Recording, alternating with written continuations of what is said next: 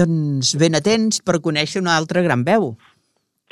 Sí, mira, després de recordar-ne una de, molt poc coneguda com a cantant, que era l'Audrey Hepburn, ah, escolta, que per cert, segons m'ha dit un oient, té una estàtua a Brussel·les davant de la casa on va viure. Ah, sí? Caram. A Brussel·les, imagina't. O sigui, a Brussel·les, si algú va per, per Brussel·les, no sé exactament a quin barri, eh, però sí, davant de la casa hi ha l'estàtua de Ah, ens hi fixarem si anem. O sigui que fixa't tu que Europa la tenim més reconeguda quasi bé que Amèrica. Sí, sí. Bé, doncs després de parlar de l'Audrey Hepburn, avui tornem a parlar d'una altra de les veus més recordades del cinema musical, aquesta sí, musical americà.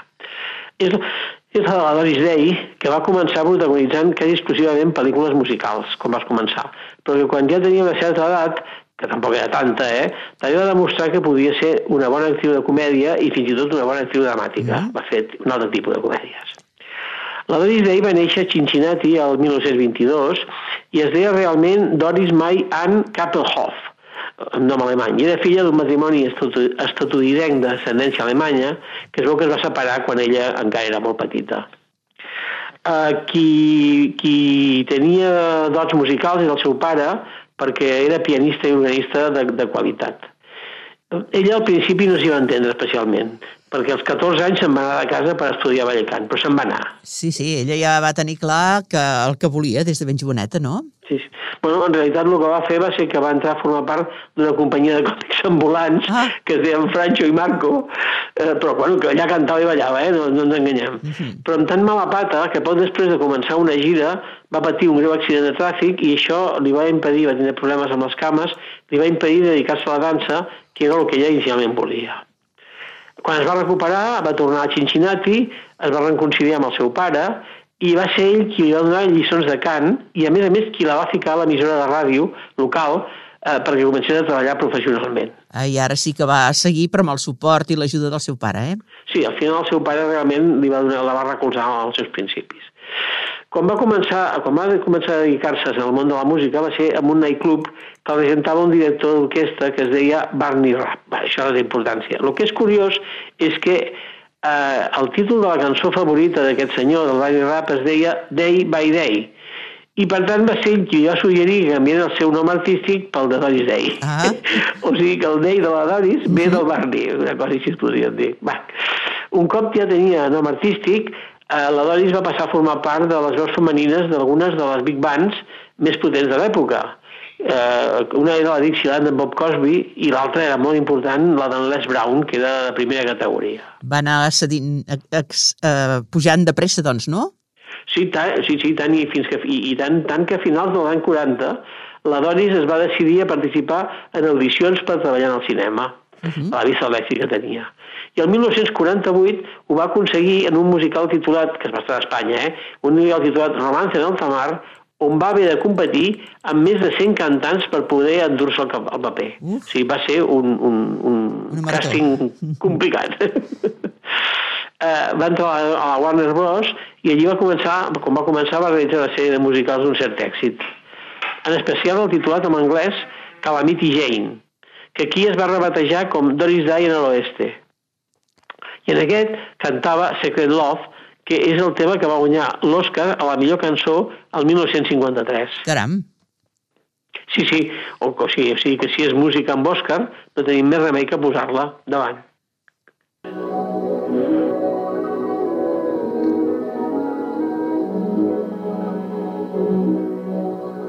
Once I had a secret love that lived within the heart of me. All too soon, my secret love became impatient to be free.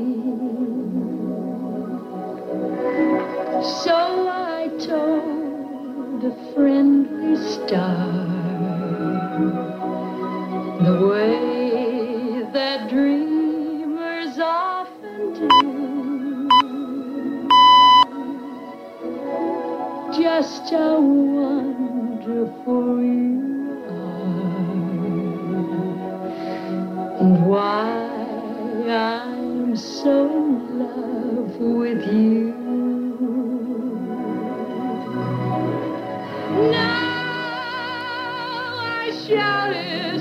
From the highest hills,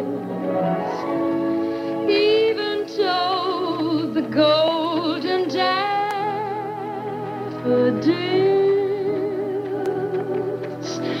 at last my heart's an open door.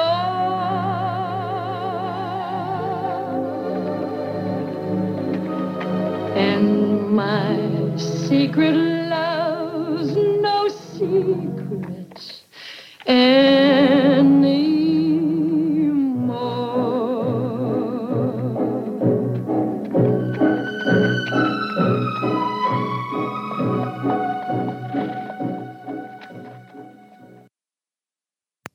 Amb aquest rerefons de l'oest, però molt melòdica, eh? Sí, veus, la veu de la Doris Day era molt clara, molt polida, i típica dels musicals romàntics americans, però era una cantant molt professional i tenia molt bon gust quan cantava, eh? o sigui, també això se li ha de reconèixer. Bé, després de Calamity Jane és quan es comença el període més exitós de la seva carrera. El 1955 eh, rep molt bones crítiques per un film dramàtic que es deia Quiéreme o déjame. Allí interpretava la cantant Ruth Elting, que va viure una, una història bastant violenta i desagradable amb un gàngster que es deia Martin Snyder, que va ser el seu mànager i el seu primer marit. O sigui que ja s'havia convertit en una bona actriu, no, la Doris? Mm. I tant. I a més a més, aquí en aquesta pel·lícula, que és una de les realment més dramàtiques que va fer la Day, també cantava perquè interpretava amb una cantant. Uh Mhm. -huh. O sigui que llavors, com que cantava, doncs vinga, sentim la muntall d'aquesta pel·lícula. Endavant.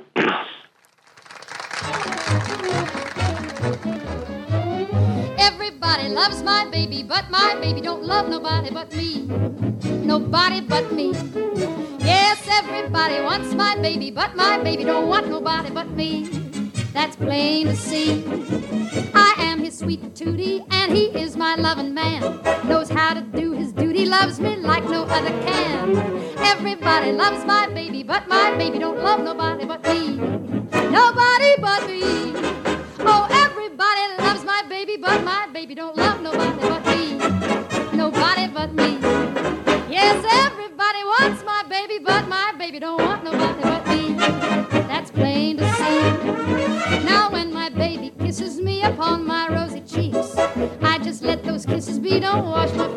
weeks.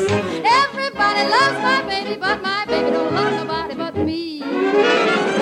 Nobody but me.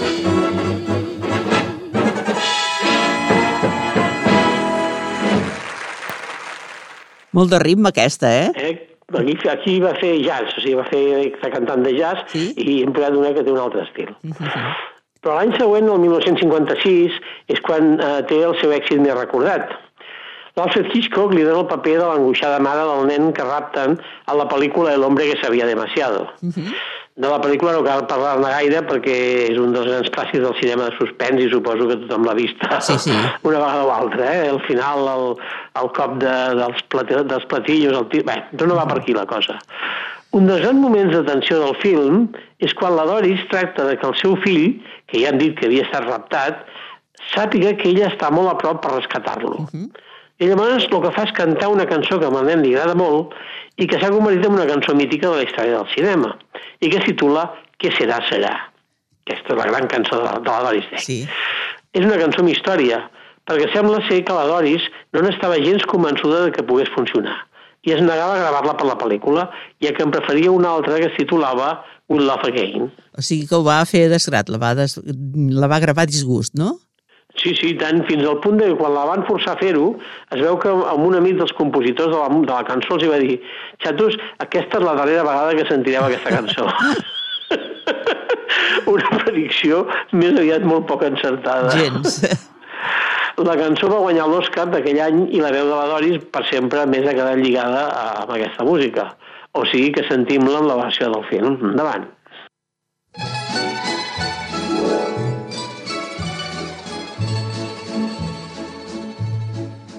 When I was just a little girl, I asked my mother, What will I be? Will I be pretty? Will I be rich? Here's what she said to me. Que sera, sera, whatever will be, will be. The future's not ours to see. Que sera, sera, what will be, will be. When I grew up and fell in love, I asked my sweetheart what lies ahead. Will we have rainbows day after day? Here's what my sweetheart said. Que sera, sera,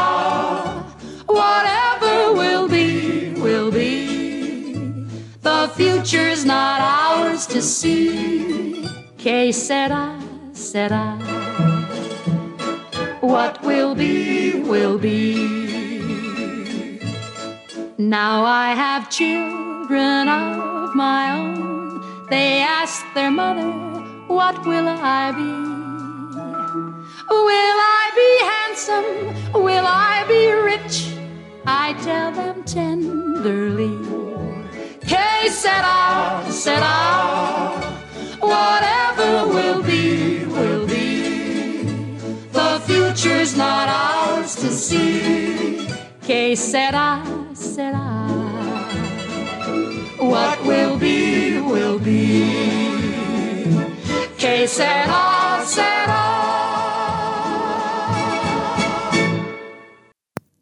És maca i enganxa molt, eh?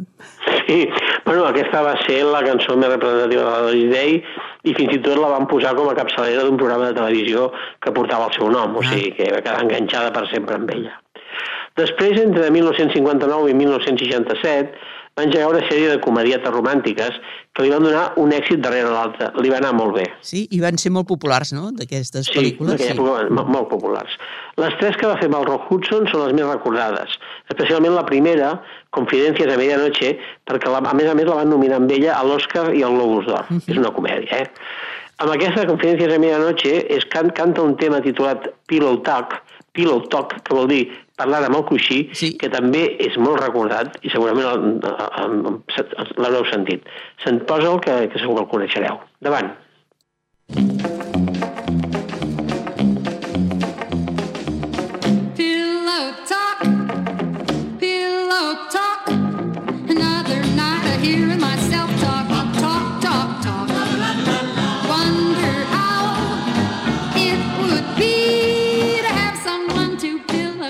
with me.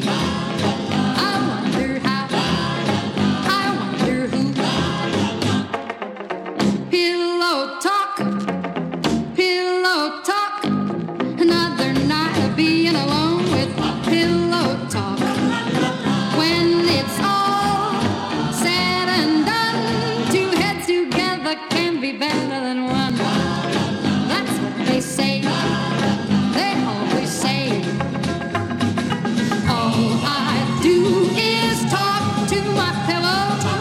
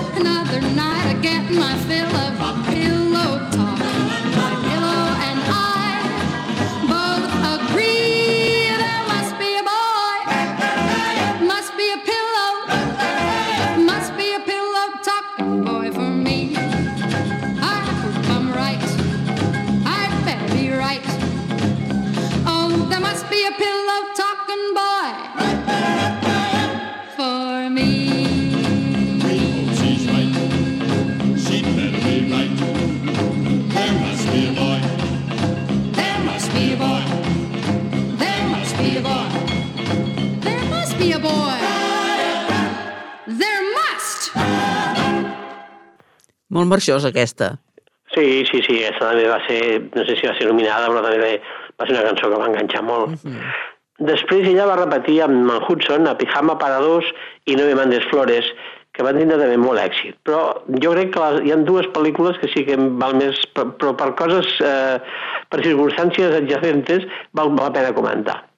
Una és Suave como Bison. Suave como Bison, el protagonista que era en Cary Grant, no era el Hudson.